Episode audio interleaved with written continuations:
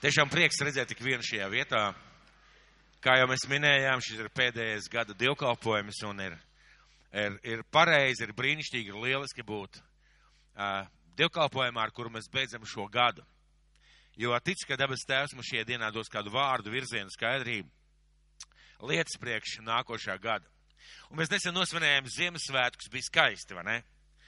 Skaisti deg eglīte, arī šodien viņi deg, bija skaistas svecītas gar malām bija brīnišķīgs laiks, brīnišķīga slavēšana, dievkalpojums, un mēs, mēs svinējām Jēzus Kristus dzimšanas svētkus.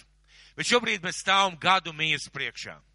Un beigsies 2019. gads ar visiem tiem notikumiem, kas ir bijuši šajā gadā.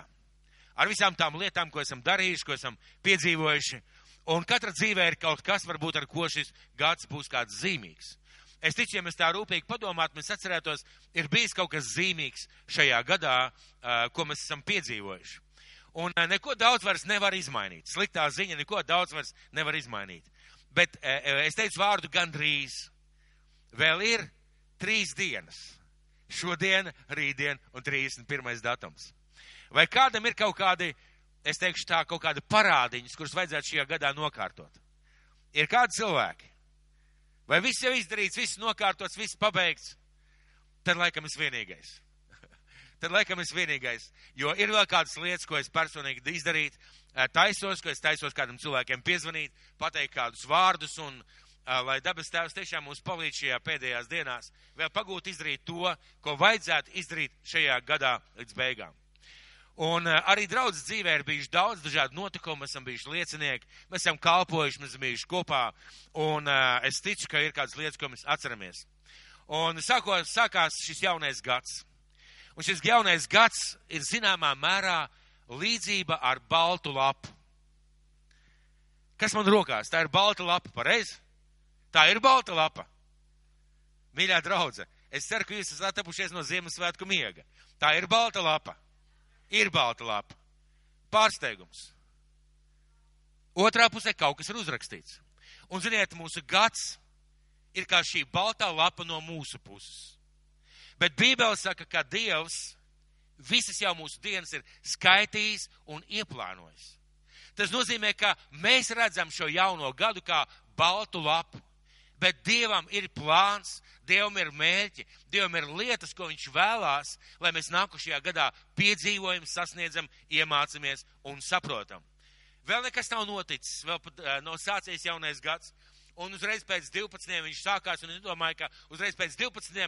parādās milzīgs eņģelis tavā dzīvē, pie tevis gults, piemēram, Marta, un saka, Marta, tev nākošajā gadā jāizdara tas, tas, tas.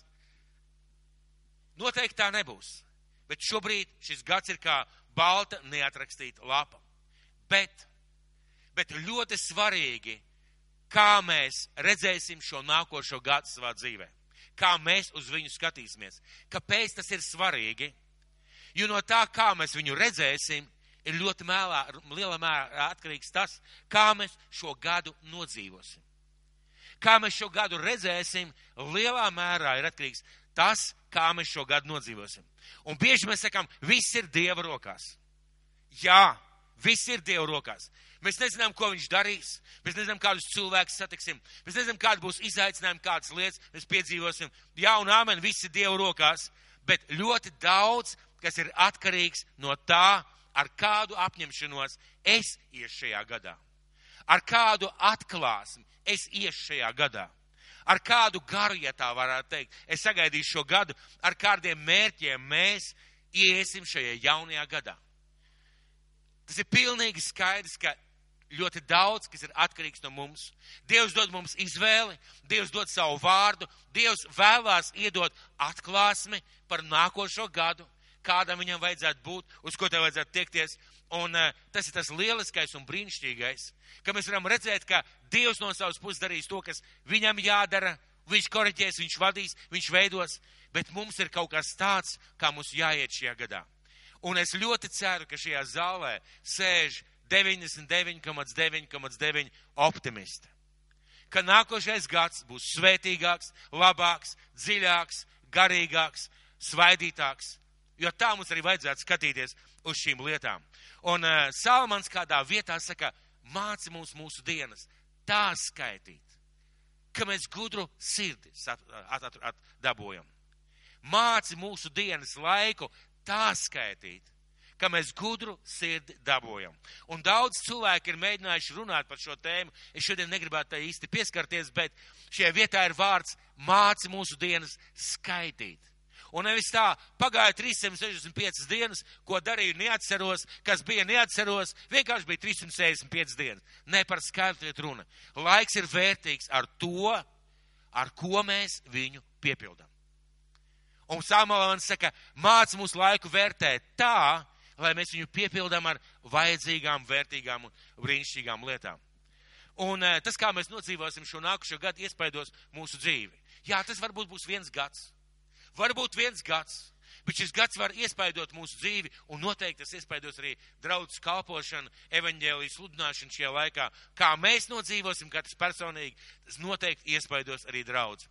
Un es personīgi esmu pārliecināts, ka bezmērķīgs kristietis nav kristietis, kas var teikt, mani vada Dievs. Ja jūs pajautājat kādam cilvēkam, vai tev ir kāda mērķi tavā dzīvē, vai, vai tev ir kāda mērķi tavā nākušajā gadā, vai nākušajā mēnesī, un cilvēks saka, nē, debes tēvs man vienkārši vada, kā viņš vada tā, lai arī notiek. Tas nav kristietis, kurš var teikt, svētais gars mani vada.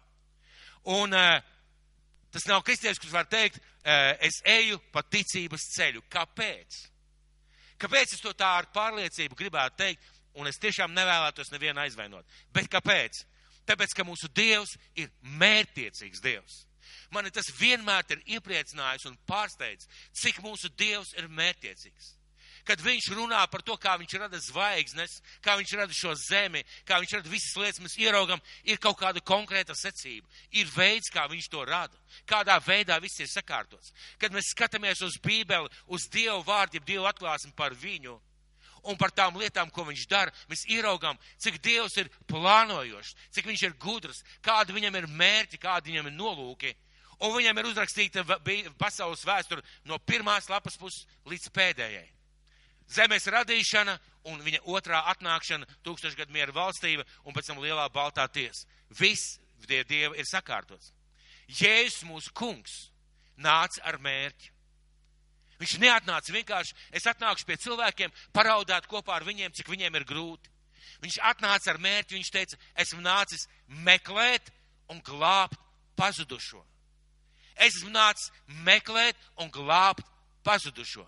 Un jūs ziniet, viņš ne tikai atnāca uz šo zemi, Viņš ne tikai nodzīvoja šos, šo, šo savu mūžu šeit uz zemes, viņš uzgāpa augšā debesīs un viņš pateica, es nākšu vēlreiz. Es nākšu vēlreiz. Un visā viņa rīcībā mēs redzam šo mērķtiecību, šos mērķus uh, un kaut kādas lietas, ko viņš plāno un domā darīt. Trešā lieta, Jēzus pats, kad viņš auga, kad Jēzus auga, mēs varam lasīt to pārsteidzošo stāstu divās vietās, Lūkas evaņģēlijas otrajā nodaļā, 40. pants. Lūkas, Lūkas evaņģēlijas otrā nodaļa, 40. pants. 40. pants un eh, pēc tam 52. Eh, pants. Bērniņš auga un pieņēmās spēkā, tāpa pilns gudrības un dieva žēlastība bija ar viņu. Un 52. pantā, un Jēzus pieauga gudrībā, augumā, piemīlībā pie dieva un cilvēkiem. Mēs redzam, kā Jēzus aug, un aug cilvēki, tie, kuriem ir kaut kāda mērķa, jēga un nozīme dzīvēm.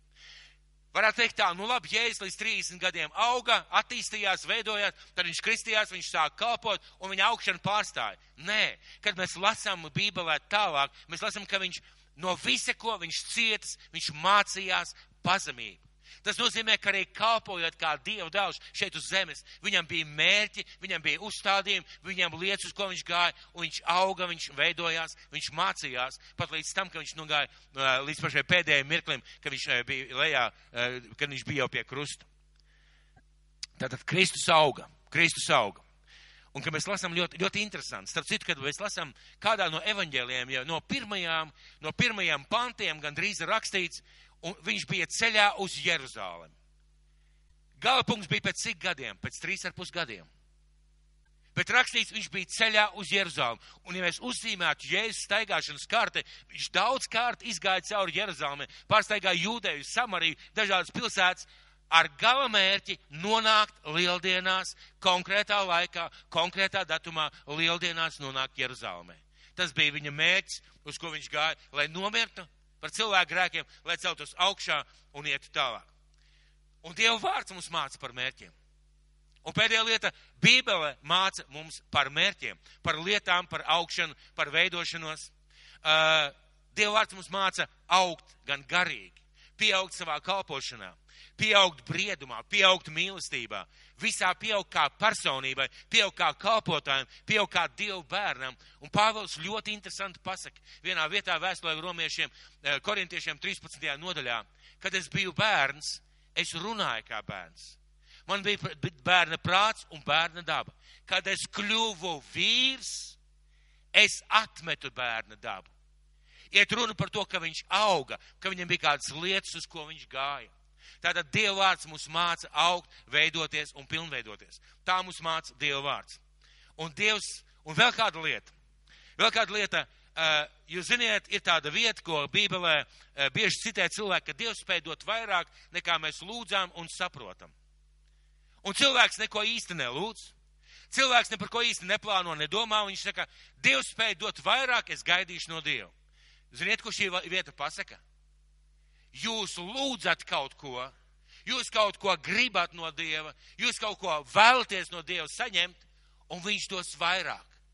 Jūs kaut ko saprotat, kaut ko domājat, kaut ko plānojat, un Viņš dos vairāk nekā jūs plānojat. Šajā vietā neiet runa par to, ka es sēžu un saku, Dievs, viss ir tavās rokās.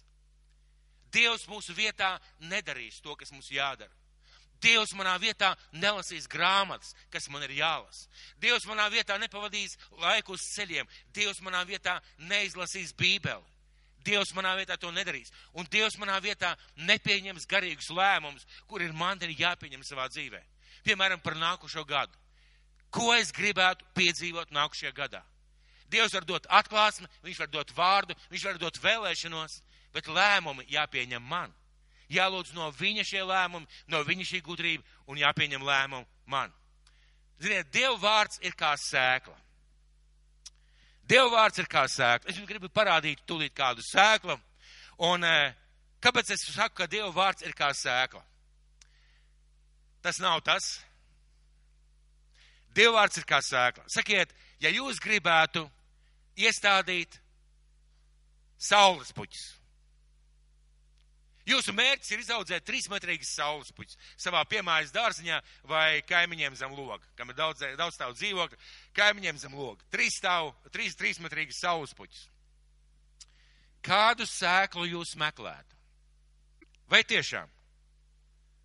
Nevarētu iet tā veikalā vienkārši, ziniet, tā roktā, aiztaisītām acīm, hop, kaut kādu paciņu man lūdzu šitās sēklas, es gribu audzēt saulespuķus. Vai tā varētu darīt? Kāpēc nē? Izskatās ārkārtīgi garīgi.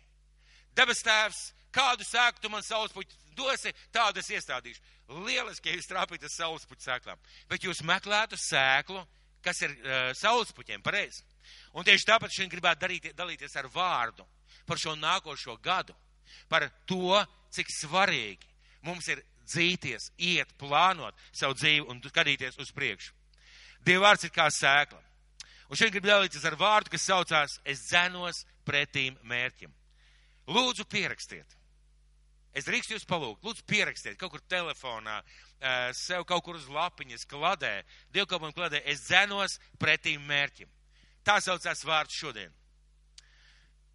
Es dzenos pretīm mērķim. Ja mēs sastopam cilvēku, kas daudz ir sasniedzis. Piemēram, viņš ir izcils zinātnieks vai izgudrotājs, liels mākslinieks, tiešām tāds nopietns kalpotājs vai personība, personība, kam ir vērts līdzināties. Man ir jautājums jums visiem. Vai ir vērts uzdot jautājumu, kā viņš to sasniedz? Kādas versijas? Jūs sastopat cilvēku, kam ir vērts līdzināties, kad daudz sasniedz. Vai ir vērts uzdot jautājumu, ja jums ir iespēja viņam pajautāt, kā viņš to sasniedz? Ir vērts? Es domāju, ka ir vērts. Vai ir vērts ņemt no viņa piemēru un sekot viņa piemēram.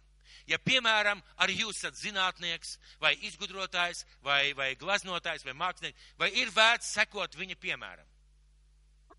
Gundega vienīgā domā, ka jā. E, gudras grāmatas lasīt ir labi. Un vienā grāmatā e, ir tāds ļoti pasaulīgs piemērs. Tā grāmata bija par neticīgu cilvēku skatījumā. Un šis cilvēks, kurš runā par biznesu, kurš runā par, par augšanu, kurš runā, teiksim, par to, kā mums jāskatās uz savu dzīvi, viņš, viņš uzrakstīja tādus vārdus.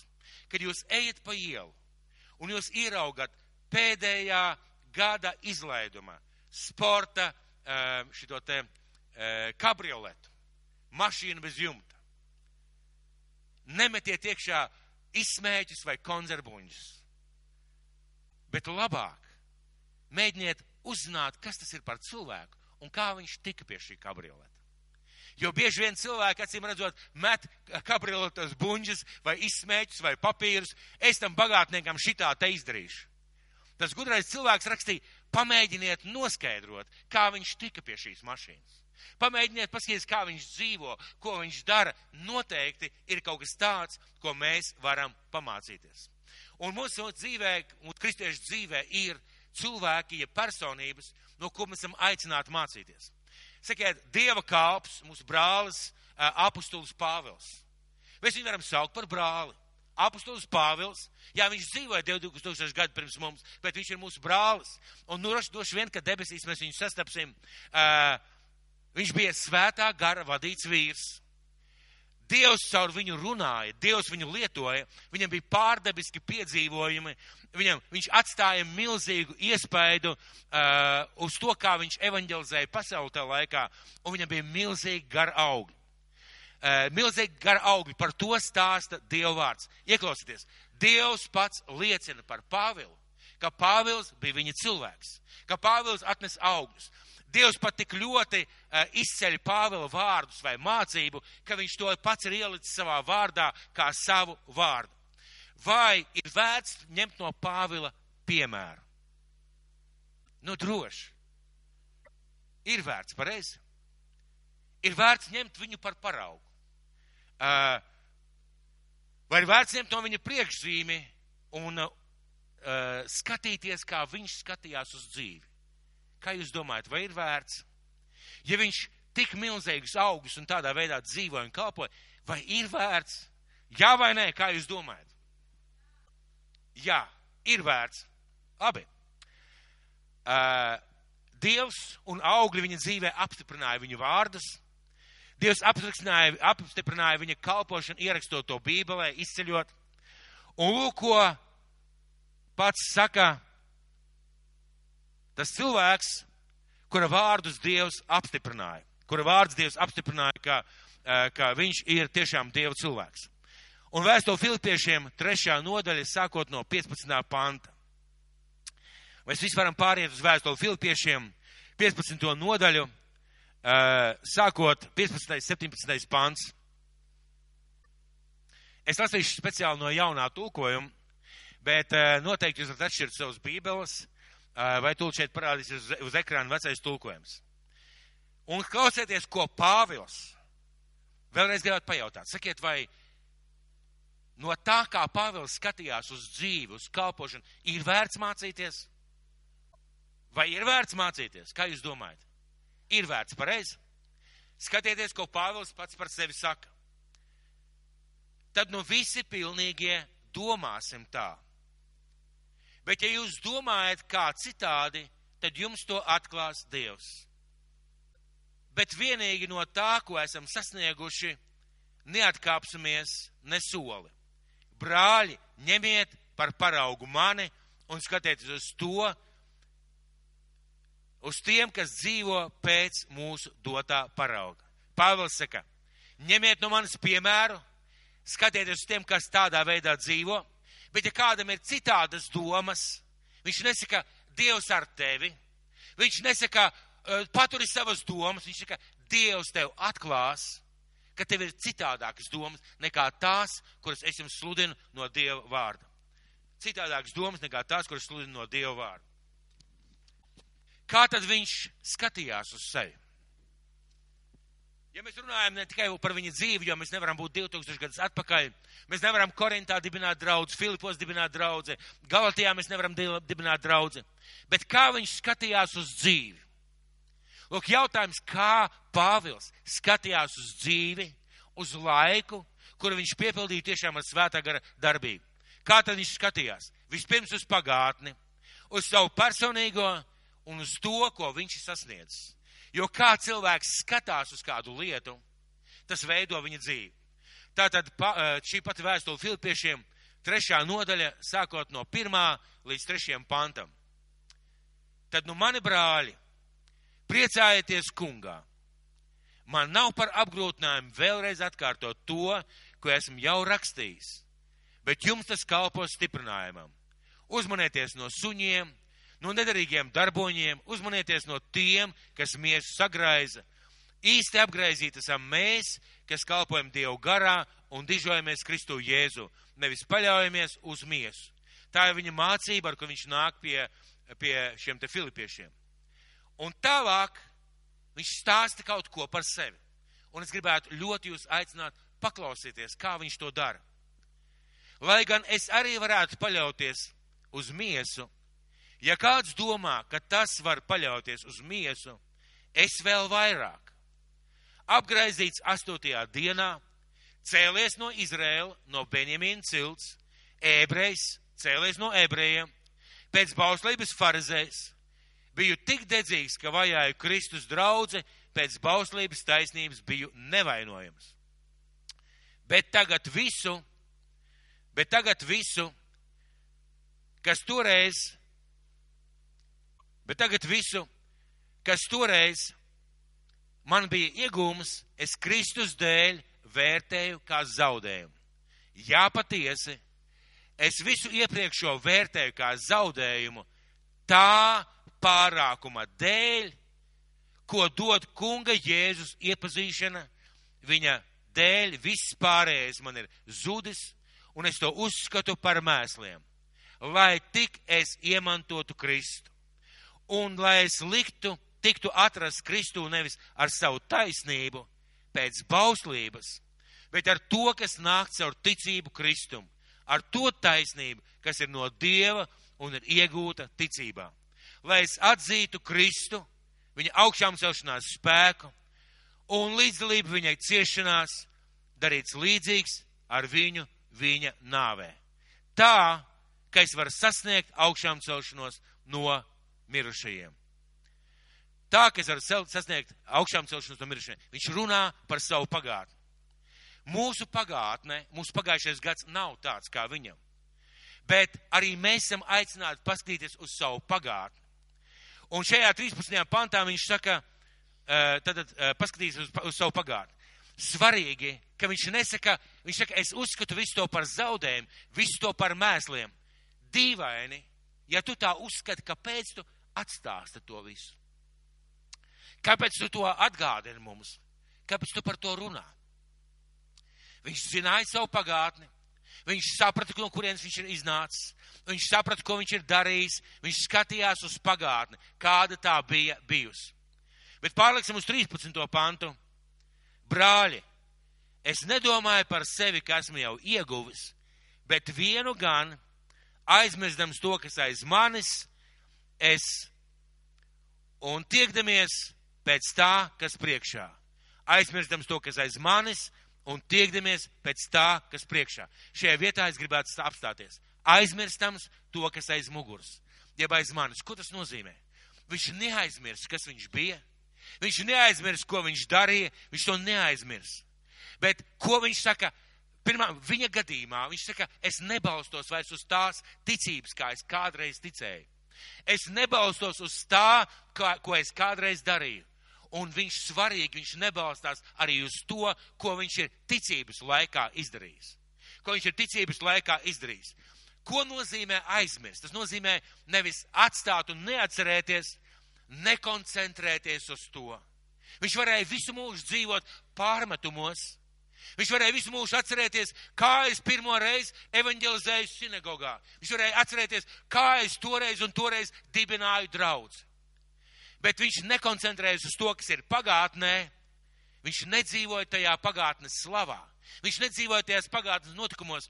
Un ziniet, cik sāpīgi ir dzirdēt, ka kristietis, kuram ir 20 vai 25 gadu stāsts, stāsta, zini, mans atgriešanās stāsts bija tāds un tāds. Es atgriezos, es stāstīju visiem par Dievu, es kalpoju, es evanģelizēju. Un acīs ir asaras, jo tagad es to vairs nedaru. Kad cilvēks stāsta, toreiz, piecus gadus atpakaļ, Dievs uz mani runāja, es saņēmu atklāsmi, es saņēmu vārdu, Dievs dzīves manā dzīvē. A šodien, ko tu saņem? Šodien, šajās dienās, ko tu saņem no Dieva? Ko tu dari šodien? Un cilvēks stāsta, kas bija kādreiz, un viņš dzīvo pagātnē. Viņš domā par pagātni, viņš skatās par pagātni. Kāpēc es par to runāju? Ja mēs skatāmies uz to vienu gadu, kas ir šajā gadā, kas pagājušais gads, ja šis gads vēl bijis, noteikti ir bijuši zaudējumi. Noteikti ir bijušas problēmas, grūtības, ir bijušas uzvaras, ir bijušas lietas, ko mēs esam sasnieguši un izdarījuši. Bet Pāvils šeit saka, ka viņš nekoncentrējās uz pagātni, bet uz ko viņš koncentrējās? Viņš koncentrējās uz nākotni. Būtu dīvaini redzēt, ka cilvēks, kurš skrien barjeras skrējienā, viņš pārlec vienu barjeru, pārlec otru barjeru, pārlec trešo barjeru, viņš neskatās uz nākošajām barjerām, viņš skatās atpakaļ uz iepriekšējām piebaks pie pleca blakus skrējējam, ja to var atļauties izdarīt vispār tādā ātrumā. Hei, paskaties, es pārlēcu. Atceries, reiz kopā ar tevi pārlēcu. Viņš nekur neaizskriet. Viņš būtu absolūtais zaudētājs, viņš nekur netikt. Un Pāvils neskatās uz tām barjerām. Viņš skatās uz priekšu, viņš skatās uz finiša līniju. Bet līdz finiša līnijai viņam ir mērķis pārliekt piekto barjeru, pārliekt sesto barjeru, pārliekt septīto, astoto. Es vispār nezinu, cik ir barjeras barjeras skriešanā. Bet pārliekt visas, kas ir priekšā. Tas ir viņa mērķis. Un, ziniet, ja mēs domājam par barjeru skrējienu, tad varbūt mums kā no malas liekas, ka viņi tā vienkārši skrien un kaut kādā mirklī vicina kāju. Tur ir ļoti smalki izstrādāta tehnika, saskaitīti soļi, izreikināts, cik stipri vajag paliekties, cik tālu vajag palikties, kā vajag palikties, lai tu pārlētu. Ļoti smalki tas viss ir izstrādāts. Un Pāvils saka, es nekoncentrējos uz pagātni, es skatos uz tagad. Kā mēs caur šo vārdu, kā caur logu varam paskatīties uz mūsu pagājušo gadu. Ja iedomāsimies, ka šis ir Dieva vārds, es aizmirstams to, kas aiz manis, tiecos uz priekšu. Tas ir Dieva vārds. Uzzīmēsim šo Dievu vārdu kā logu, un caur šo logu paskatīsimies uz pagājušo gadu mūsu dzīvēm. Kas bija mūsu dzīvē pagājušajā gadā? Ko mēs pieredzējām? Vai jūs atceraties? Vai jūs atceraties, ko jūs piedzīvojat pagājušajā gadā? Jūs personīgi. Vai kāds atcerās kaut ko svarīgu, nozīmīgu? Ticu, ka būs kādas liecības, pareizi. Ticu, ka pēc vārda būs kādas liecības. Mēģināsim atcerēties kopā nedaudz par draudz. Mēģināsim nedaudz atcerēties par, kopā par draudz to, kas ir bijis pagājušajā gadā. Kas ir bijis pagājušajā gadā. Un sāksim mēs ar janvāra mēnesi. Janvāra mēnesis. Šī gada skaitļi bija 2019. Un vīzija šim gadam bija arī jauna vīna, lai vecos ādas traukos, citādi trauks saplīst un vīns izlēs, traukiet bojā, bet jauna vīna vai jaunos traukos, tad abi paliek veseli. Un mēs runājām par izmaiņām. Mēs runājām par to, ka vajadzētu mainīties kādās, mēs uzstādījām tādu latiņu sešu sfēras. Jā, varētu pateikt tā, mums daudz kas neizdevās. Varētu pateikt, ļoti daudz kas neizdevās, kā mēs bijām domājuši vai plānojuši. Varbūt pietrūka saprašanas, varbūt pietrūka, izpratnes, varbūt mērķiecības, grūti pateikt. Bet sad sākās janvāra mēnesis janvārs. Ja nemaldos, janvārī bija jau sniegs. Un janvāra mēnesis mums sākās ar drēbi dalīšanu. Mēs dalījām drēbi šeit draudzē, tā bija kāda nedēļa. Cilvēki nāca un kalpoja, cilvēki nāca un ņēma šīs drēbes, drēbes un bija tāds darbīgs un uh, tiešām darbīgs laiks. Pēc tam mums janvāra mēnesī bija draudzes kopsapulce, kalpošana, komandu svētīšana. Uh, vai jūs atceraties, kā mēs pagājuši gadu lūdzām par komandām, svētījām komandas. Un eh, šodien, ja mēs paskatāmies atpakaļ, kā mums kā komandām ir gājis šajā gadā, kā mums, kā komandām ir gājuši šajā gadā. Nākošā lieta. Mums bija seminārs pagrieziena punkts. Pie mums ciemos bija mācītājs Aleksandrs Staņa, uh, Staņislavs, Staņislavs uh, Osipovs. Viņš runāja par izmaiņām domāšanā, par pārmaiņām domāšanā, par to, kā vajadzētu izmainīt šim domāšanai. Un, manuprāt, bija labs laiks domāt, pārdomāt, uzlikt kaut kādas mērķus un kādas lietas. Atnāca februārs. Un februārī tāpat kā janvārī, laikam bija sniegs. Tiešām neatceros. Un e, mūsu draudzē notika seminārs draudz zīmos. Vai kāds atcerās, ko mēs runājām tur augšā mazajā zālītē par to, cik svarīgi ir lai cilvēki ienākot draudzē, lai viņi ierauga mīlestību, kārtību, sakārtotību. Mēs runājam par to, ka kā cilvēki redz draudz, bieži vien atkarīgs no, tas, no tā, kā mēs viņu sagaidām. Nākošais pasākums bija brāļu pirts. Tas viss februāris brāļu pirts. Mēs kā brāļi bijām uh, pirtī, mēs uh, kopā, ja nemaldos, dziedājām, gājām pirtī, dalījāmies ar personīgajām liecībām. Nākošā lieta, kas notika šajā februāra mēnesī, Mums bija sadraudzības gājiens gar jūru. Šeit gan nedaudz ir drusku savādāk. Šeit ir tāds, nu, pilnīgi vasara. Runa gāja par februāri. Mēs gājām, bija tāds neliels sniedziņš un bija sasalis. Un uh, bija tāds brīnišķīgs laiks. Mēs uh, nedaudz pa ledus gabaliem un nedaudz pa kokiem rāpāmies pāri strautiņiem. Vēl kāda lieta notika šajā, šajā mēnesī. Mēs skatījāmies augšā mazajā zālē konferences GLS pasākumu, mēs vērtējām, mēs diskutējām par lietām, eh, ko mums vajadzētu darīt vai ko mums nevajadzētu darīt, eh, apspriedām kādu lekciju. Mēs esam iebraukuši jau, un tad nāk marts. Vai kāds atcerās, kas bija pagājušajā gadā martā? Pagājušajā gadā martā, kas bija? Sievietēm bija pirts, mums nav fotografija, vēsture par to klusē. Tātad sieviešu māsām bija e, arī izbraukums. E, mums marta sākumā mēs sākām alfas kursu. Mēs sākām, e, marta sākumā mums sākās alfas kurs, pēc tam mums bija mājas grupas sajiets, un šeit ir vairākas fotogrāfijas.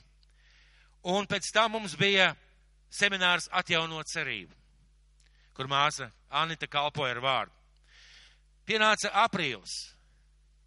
Nu jau vairāk nokastas sniedziņš aprīlis. Un aprīļa mēnesī, protams, ir uh, lieldienas.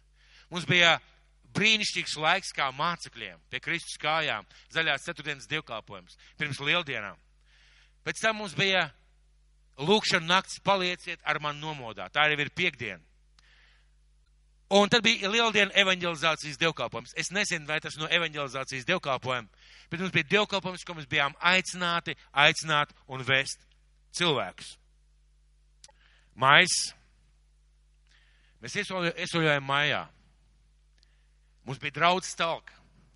Mēs visi kopā tīrījām šīs telpas, plānojām, kā mēs iztīrīsim. Es atceros, kā Andrejs mazgāja logas, kā māzes berza grīdas, kā šeit viss tika, eh, viss tika kārtots.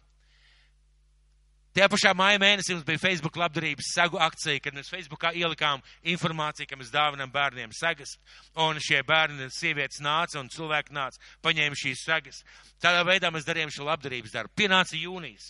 Jūnijas pienāca ar patiesu vēlēšanos doties atpūtā, zaļumā, izkla, zaļumos izklaidēties, un eh, tā arī piepildījās. Mēs bijām draudzes dienu rozītēs rozīties pie tu, ka mums bija draudz diena, kurā notika ļoti interesantas lietas. Mums tur bija slavēšana, bija dziedāšana, bija rokdarbi, bija uh, aktivitātes, bija dažādas lietas, pat riteņu nomainīšana. Nedaudz mācījāmies arī kalt, mums bija arī priekšnesumi. Uh, bija laiks, kad mēs vienkārši sēdējām un cienājāmies un atpūtām. Un šī ir pēdējā lielā fotografija, kur, ja mēs tā labi ieskatāmies, mēs varam ieraudzīt burtiņus cerību. Mums ļoti labi neizdevās. Bet es ceru, ka uz nākamo reizi mēs būsim satrenējušies. Vai kāds sevi kaut kur tur redz? Kāds sevi redz kaut kur tur?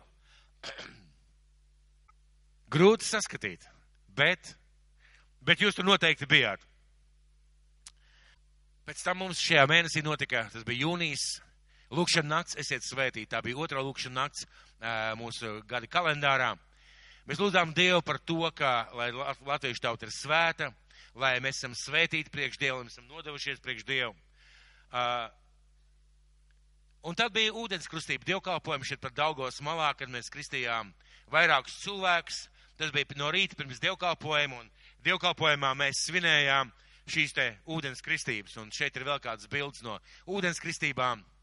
Tie bija četri cilvēki, kurus mēs kristījām. Šis bija ūdens kristība dievkalpojums, kad mēs uh, apdāvinājām šos cilvēkus, sveicām.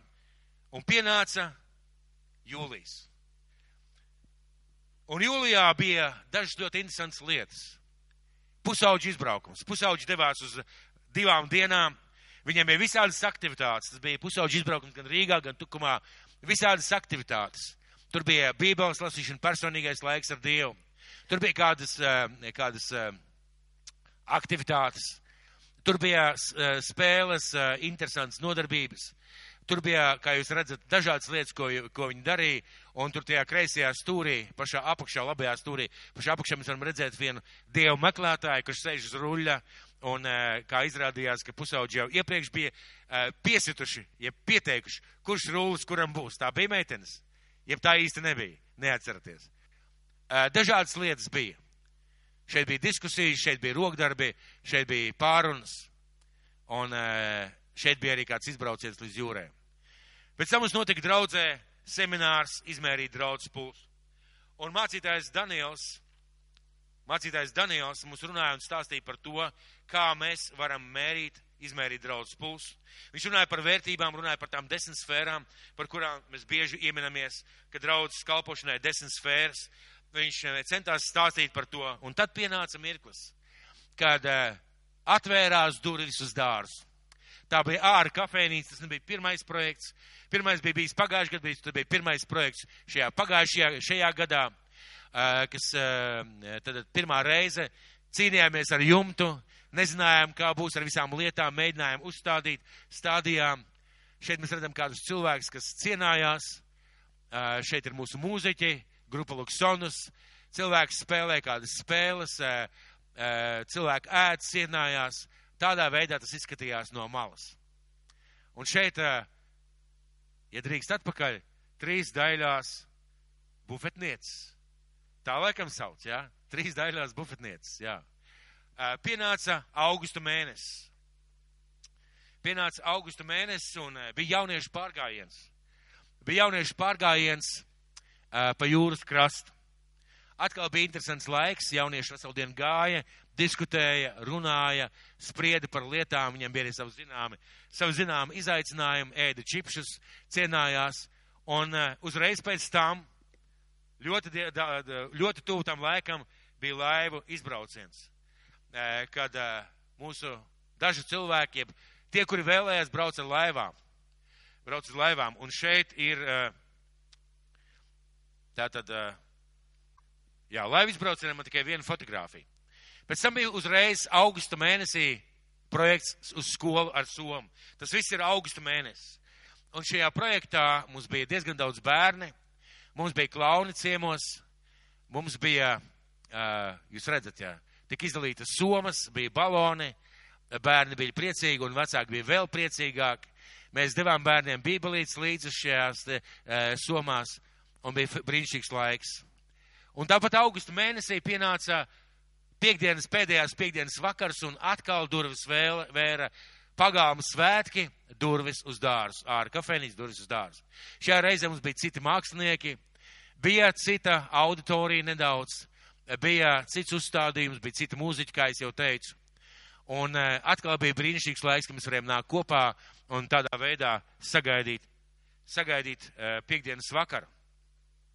Un mēs bijām arī aicinājām cilvēkus nākt ar saviem draugiem. Pienāca septembra mēnesis, un septembra mēnesī atkal mums bija seminārs draudz zīmos. Šoreiz daudz plašākam lokam, lai mēs saprastu un domātu par draudz kultūru. Lai mēs domātu, kā mēs izskatāmies, no kā veidojās cilvēku priekšstats par mūsu draudze, ko nozīmē draudzes krāsas un, un tam līdzīgi. Un uzreiz turpat bija trešā reize ārā kafejnīca durvis uz dārza. Un uh, šajā reizē atkal mums bija savādāk izkārtojums, un bija citi mūziķi, uh, bija arī citi, citu cilvēku atnākuši ciemos, bija citi cienesti. Un uh, tas bija pie, sestdienas vakars, un uzreiz pēc tam bija draudz 46. dzimšanas diena. Es neatceros, ko es tur darīju. Es domāju, ka es, viņi man kaut ko lika rādīt. Acīm redzot, ko nozīmē lūkšana vai lūgt Dievam kaut ko. Es neatceros, bet, manuprāt, bija lielisks pasākums. Un tad atnāca oktobrs, oktobra mēnesis. Un oktobra mēnesī mums bija tāds neliels pārdomu seminārs par mājas grupām. Pienāca novembris. Novembra mēnesī mēs vadītāji bijām vadītāju konferencē GLS. Divas dienas mācījāmies par vadīšanu, domājām par to, kā labāk vadīt draudzi, domājām par to, kādā veidā, kādam jābūt vadītājiem un kalpotājiem. Tērējām naudu, tērējām laiku.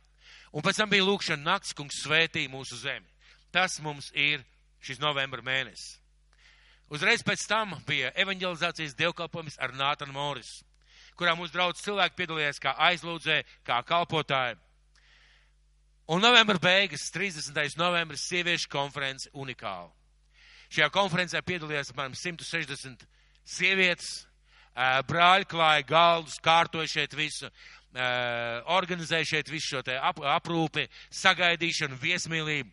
Atnāca ļoti daudz labas atsauksmes, atnāca ļoti labi daudz vārdu, atnāca ļoti daudz pateicību par šo konferenci.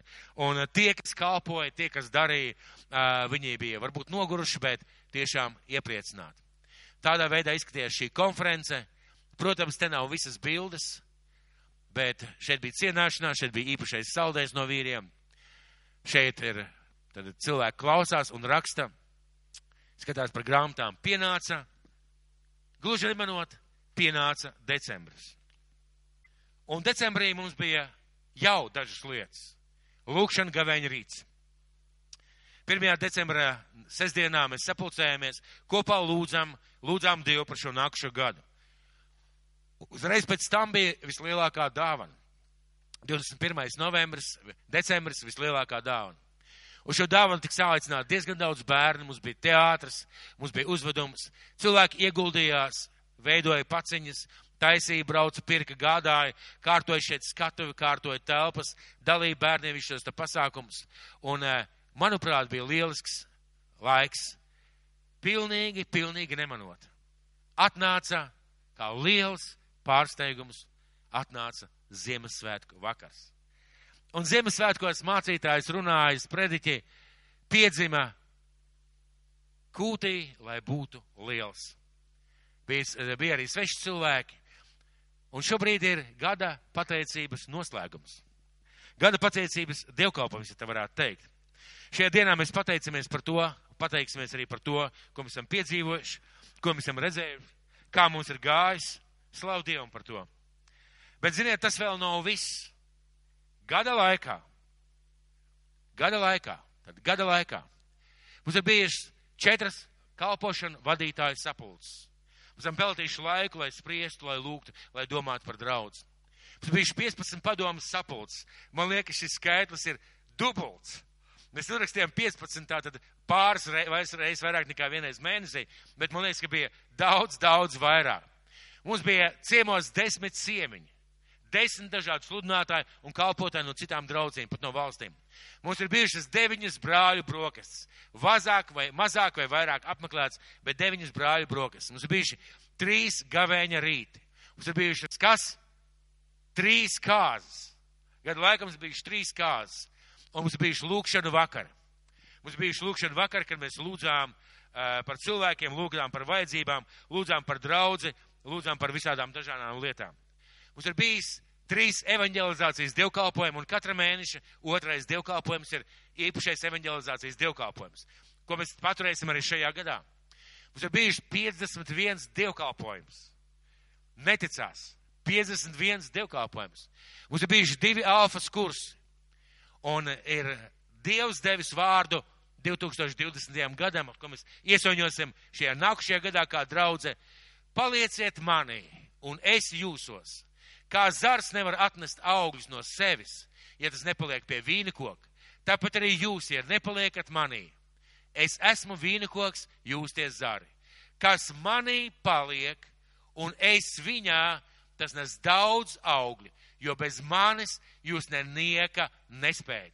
Šis vārds atnāca kā tāda atklāsme par nākušo gadu, par mērķiem nākušajā gadā, par uzdevumiem nākušajā gadā. Un uh, atslēgas vārdi ir palieciet manī, un mani vārdi, lai paliek jūsos. Šis nākušais gads būs vērsts uz māceklību, uz iekšēju augšanu, uz garīgu pieaugšanu. Kas ir bijis tavā dzīvē šajā gadā? Es jūs aicinu, mīļie draugi, rīt, šovakar, pa, parīt, apsēdieties mājās ar kristiešu draugiem, pilspālu vai zīmolu un papīru, un pamēģiniet iziet cauri saviem gada notikumiem. Kādā dziesmā teikt, skaiti katru svē, Dievu svētību, un tu būsi pārsteigts, ko Dievs darīs. Tātad, mīļie draugi, uzrakstīsim un pārdomāsim, ko mēs esam piedzīvojuši. Šī prezentācija līdzībā kā Pāvils skatījās uz savu pagātni, bet svarīgi, daudz svarīgāk nekā viņš skatās uz pagātni, daudz svarīgāk, kā viņš skatās uz priekšu. Gribu atgādināt, Pāvils jau ir apustulis. Pāvils jau ir dibinājis draudzes. Pāvilam jau ir atklāsmes, gara dāvanas un kalpošanas. Kā viņš skatās uz nākotni, uz priekšu. Varētu domāt, Pāvils, nu tu vari atdusēties. Nu tev ir miers. Nu tu esi jau visā kalpošanā iekšā. Nu tu esi miers. Bet lasīsim tālāk no Dieva vārda 12. pants. Lasīsim tālāk no, no Dieva vārda, tātad 12. pants vēstulē Filipiešiem trešajā nodaļā. Nav tā, ka es to jau būtu ieguvis un būtu darīts pilnīgs, bet es dzenos pēc tā, lai iegūtu, jo ar to Kristus Jēzus ir mani ieguvis. Nav tā, ka es to jau būtu ieguvis vai būtu derīgs, darīts pilnīgs, bet es dzenos pēc tā, lai iegūtu jo ar to Kristus Jēzus mani ir ieguvis. Es dzenos. Vārds es dzenos ir aktīvs, mērķiecīgs darbības vārds. Tas nav darbības vārds, es guļu vai es domāju, es dzenos. Mērķiecīgs darbības vārds. 13. 13. pants un lasīsim arī tālāk 12. Brāļi, es, es, es nedomāju par sevi, ka esmu jau ieguvis, bet vienu gan aizmirstams to, kas aiz muguras, un tiekdamies pēc tā, kas priekšā, es dzenos uz mērķi, iegūt balvu, uz kuru Dievs aicina augšup Kristu Jēzu. Tad no visi pilnīgie domāsim tā. Es dzenos. Šim vārdam kristīgajā dzīvē būtu jābūt lielai nozīmē. Es dzenos pēc tā, kas ir manā priekšā pēc kā viņš dzenās. Viņš jau ir apustulis, viņš jau ir dibinājis draudz, pēc kā viņš dzenās. Viņš jau ir garīgs. Viņam jau ir augi, viņam jau ir atklāsmes. Un varētu teikt, Pāvils, nu tu vari atdusēties, nu tu vari dzīvot mierīgi. Muļķīgi domā tie cilvēki, dara tie cilvēki, kas apņemās kaut ko nākušajā garā darīt un aizmirst vai nedara. Jo ziniet, kur ir lielākā muļķība? Viņi, viņi apņemās, viņi nedara neko, un pēc tam viņi ir dusmīgi uz tiem, kas teica, apņemies. Tad viņi dusmojās pēc tam, kāpēc es apņēmos. Nebūtu neko apņēmies, dzīvot mierīgi, sirdsapziņu nemocītu, bet pavisam un divi tik muļķīgi ir neko neapņemties, neko neplānot, neko nedomāt uz priekšu. Un cilvēki teiks, tas ir garīgi. Garīgi neko neplānot, garīgi neko nedomāt. Nē, tas nav garīgi. Tas nav pēc Bībeles. Apstāšanās ar mērķi, un ja cilvēks saka, es gribu apstāties, lai vairāk iepazītu Dievu. Es gribu kaut ko atlikt malā, lai vairāk veltītu laiku savai ģimenei. Es gribu kaut kādas lietas nolikt malā, lai vairāk padomātu par to, kas man ir jādara. Tas ir mērķis. Un arī apstāšanās reizēm ir mērķtiecīga darbība. Arī kaut ko nolikt malā reizēm ir mērķtiecīga darbība. Tāpēc, mīļie draugi, šajā vietā neiet runa par to, ka e, kaut ko darīt vai nedarīt. Runa, kāds ir mērķis. Aizmirstams to, kas aiz muguras kas bija viņam aiz muguras. Viņš saka, es aizmirstu to slikto, un es aizmirstu arī to, ko es jau esmu izdarījis. Aizmirstams to, kas aiz muguras, kas viņam ir aiz muguras, kas tev ir aiz muguras. Tiekdamies pēc tā, kas ir priekšā, kas viņam ir priekšā, kas viņam ir priekšā, kas tev ir priekšā. Es cenos uz mērķi. Dzīties uz mērķi nozīmē, ka tā nav pastaiga, ka dzīšanās uz mērķi tas ir, viņam pirmām kārtām ir mērķi. Pāvilam ir mērķi. Saki, vai tev ir kādi mērķi nākušajam gadam jau? Ja tev vēl nav, padomā par to uzstāda kaut kādus mērķus nākušam gadam. Pāvils ir ierobežots laikā, un mēs skatāmies uz Pāvila laiku, mēs redzam, ka viņam ir mērķis būt lieta Dieva lietotam. Viņam ir mērķis vairāk saprast Dievu, vairāk piedzīvot Dievu. Viņam ir mērķis apmeklēt draudus, viņam ir mērķis sludināt tur, sludināt tur, sludināt tur. Viņam ir kaut kādi mērķi, kādi ir mums mērķi. Un tas atslēgas vārds ir, es dzenos uz mērķi. Es dzenos mērķi. Mums jābūt mērķim. Un ziniet, kāda viņam ir balva? Viņam balva iepazīt Kristu. Kāda ir mūsu balva? Caur to, ka mēs dzenamies uz saviem mērķiem. Arī mēs esam ierobežot laikā. Noteikti jāizlasa arī kāda cita vieta. Vēstule korintiešiem 9. nodaļa.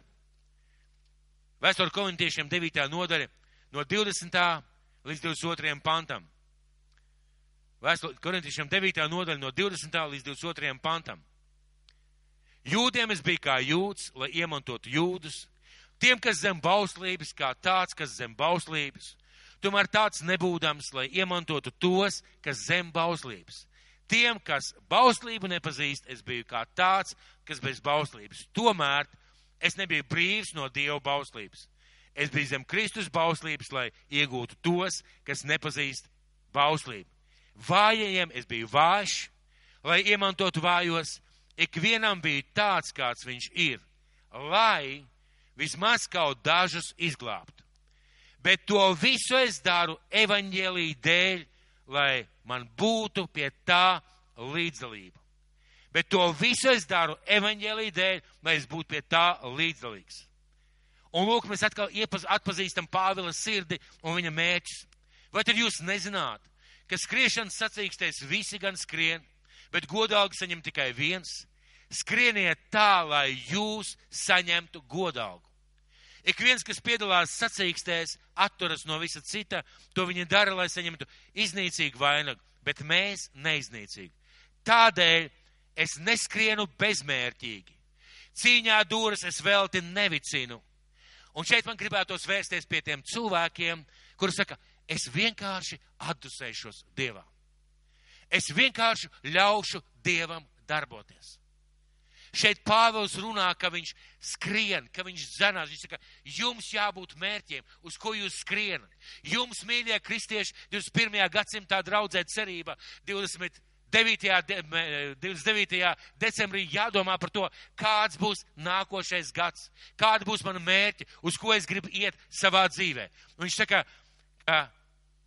Tātad es neskrienu bezmērķīgi, cīņā dūris uz velti nevicinu, bet es šaustu un paverdzinu savu miesu, lai sludinādams citiem pats nekļūtu atmetams. Ko viņš saka? Es disciplinēju sevi. Es uzstādu prioritātes. Es domāju, kas ir svarīgāk, kas nav tik svarīgi. Tātad viņam ir kādas lietas, ko viņš mūs aicina darīt. Un tad mēs atkal aizējam pie šī te vēstules Filipiešiem, trešās nodaļas, 15. panta, ko mēs jau lasījām sākumā. Tad nu visi pilnīgie domāsim tā.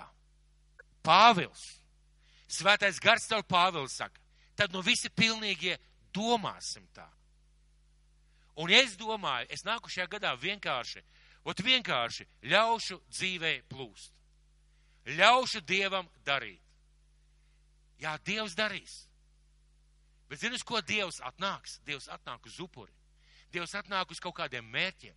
Dievs atnāk uz dedzību, Dievs atnāk uz vēlēšanos, Dievs atnāk uz tādām lietām. Un Pāvils saka, bet ja jums ir arī citas domas, tad Dievs jums atklās, ko atklās. Ka tās citas domas vienkārši uh, plūst, ka tās nav pareizas. Ka tās vienkārši nav pareizas. Ka tās vienkārši nav pavilti. Pāvils saka, visi, kas ir pilnīgi, un mēs visi gribētu būt pilnīgi tad varbūt sākam ar to, ka mēs sākam domāt kā Pāvils. Kā, ka sākam domāt kā Pāvils. Tad nu visi pilnīgie domāsim tā. Bet ja jūs domājat kā citādi, tad jums to atklās Dievs. Un Dievs atklās, un arī laiks atklās, ka domājam nepareizi. Bet vienīgi no tā, ko esam sasnieguši, neatkāpsimies ne soli. Ko tas nozīmē? Tas nozīmē, turēsimies pie tā, nenonicināsim to, ko esam sasnieguši, ko esam izdarījuši, ko esam pieņēmuši, ko esam lēmuši, ko esam domājuši. Turēsimies pie tā, pārdomāsim un turēsimies pie tā. Un 17. pants - brāļi, ņemiet par paraugu mani un skatieties uz tiem, kas dzīvo pēc mūsu dotā parauga. Lūk, konkrēti Pāvils saka, ņemiet piemēru no manis. Ko viņš teica? Aizmirstams to, kas aiz muguras, es cenos uz priekšu. Es tiecos pēc tā, kas priekšā, es skrienu uz mērķi. Un beigās viņš saka, visi, kas ir pilnīgi, domāsim tā. Visi, kuri ir pilnīgi, domāsim tā. Tādā veidā ņemsim piemēru. Kad Kristus aug mūsu dzīvē liels, kad mēs piedzīvojam Dievu vārdu savā dzīvē, kad mūsu dzīvē, e, e, dzīvē ir kāda mērķa lietas, uz ko mēs ejam, mūsu dzīve iegūst jēgu. Tas nav vēl viens gads. Tas ir laiks, kurā es vēlos izdarīt to, to vai to. Tas ir laiks, kurā es vēlos kaut ko sasniegt, kaut ko izdarīt, kaut ko piepildīt. Tas ir laiks, kad es vēlos kaut ko izdarīt un kaut ko sasniegt. Un, mīļie draugi, es gribētu mūs aicināt, sākot šo jauno gadu, lai šis vārds ir kā sēkla, pārdomājiet, ko jūs piedzīvojat pagājušajā gadā, ko jūs gribētu izdarīt vai sasniegt nākušajā gadā. Pārdomājiet un iz, uzrakstiet to, pierakstiet to, lai tas neaizmirstos. Ieplānojiet, kad un kā jūs to darīsiet. Un Dievs, kas spēj darīt vairāk nekā lūdzam vai saprotam, dos vairāk. Dievs dos vairāk. Dievs dos vairāk. Es gribētu jūs izaicināt uz kādu teikumu. Pāvils šeit saka, es zenos pretīm mērķim. Nedosim nekādus solījumus, bet vai mēs varētu paši sev pateikt tādus vārdus, es zenos pretīm mērķim. Mēs varētu tā kopā pateikt šos vārdus. Es zenos pretīm mērķim. Un, ziniet, es gribētu jums uh, novēlēt, teikt kādu novēlējumu. Lai dabas tēvs tiešām atklāja mums tos plānus, kas ir viņa sirdī, kas ir viņa dvēselē, viņa garā. Lai svētais gars paņem projām ikvienu vienaldzības un pastraumi plūšanas garu. Lai svētais gars dod mums savus mēķus un gribēšanu sasniegt šos mēķus.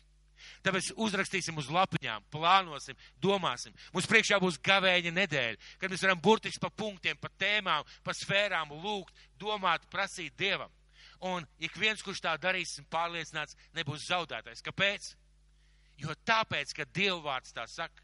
Tāpēc, ka Kristus tā dzīvoja, tāpēc, ka Pāvils tā dzīvoja, tāpēc, ka viņiem bija šie mērķi, un par to viņi arī māca. Un, mīļie draugi, no tā, kāds būs jūsu gads, jeb tas, kāds būs jūsu gads, ir atkarīgs no jums un no Dieva. Dievs savu daļu izdarīs simts procenti. Jautājums ir, vai viņš varēs iedot vairāk kā lūdzam, vai mēs kaut ko lūdzam?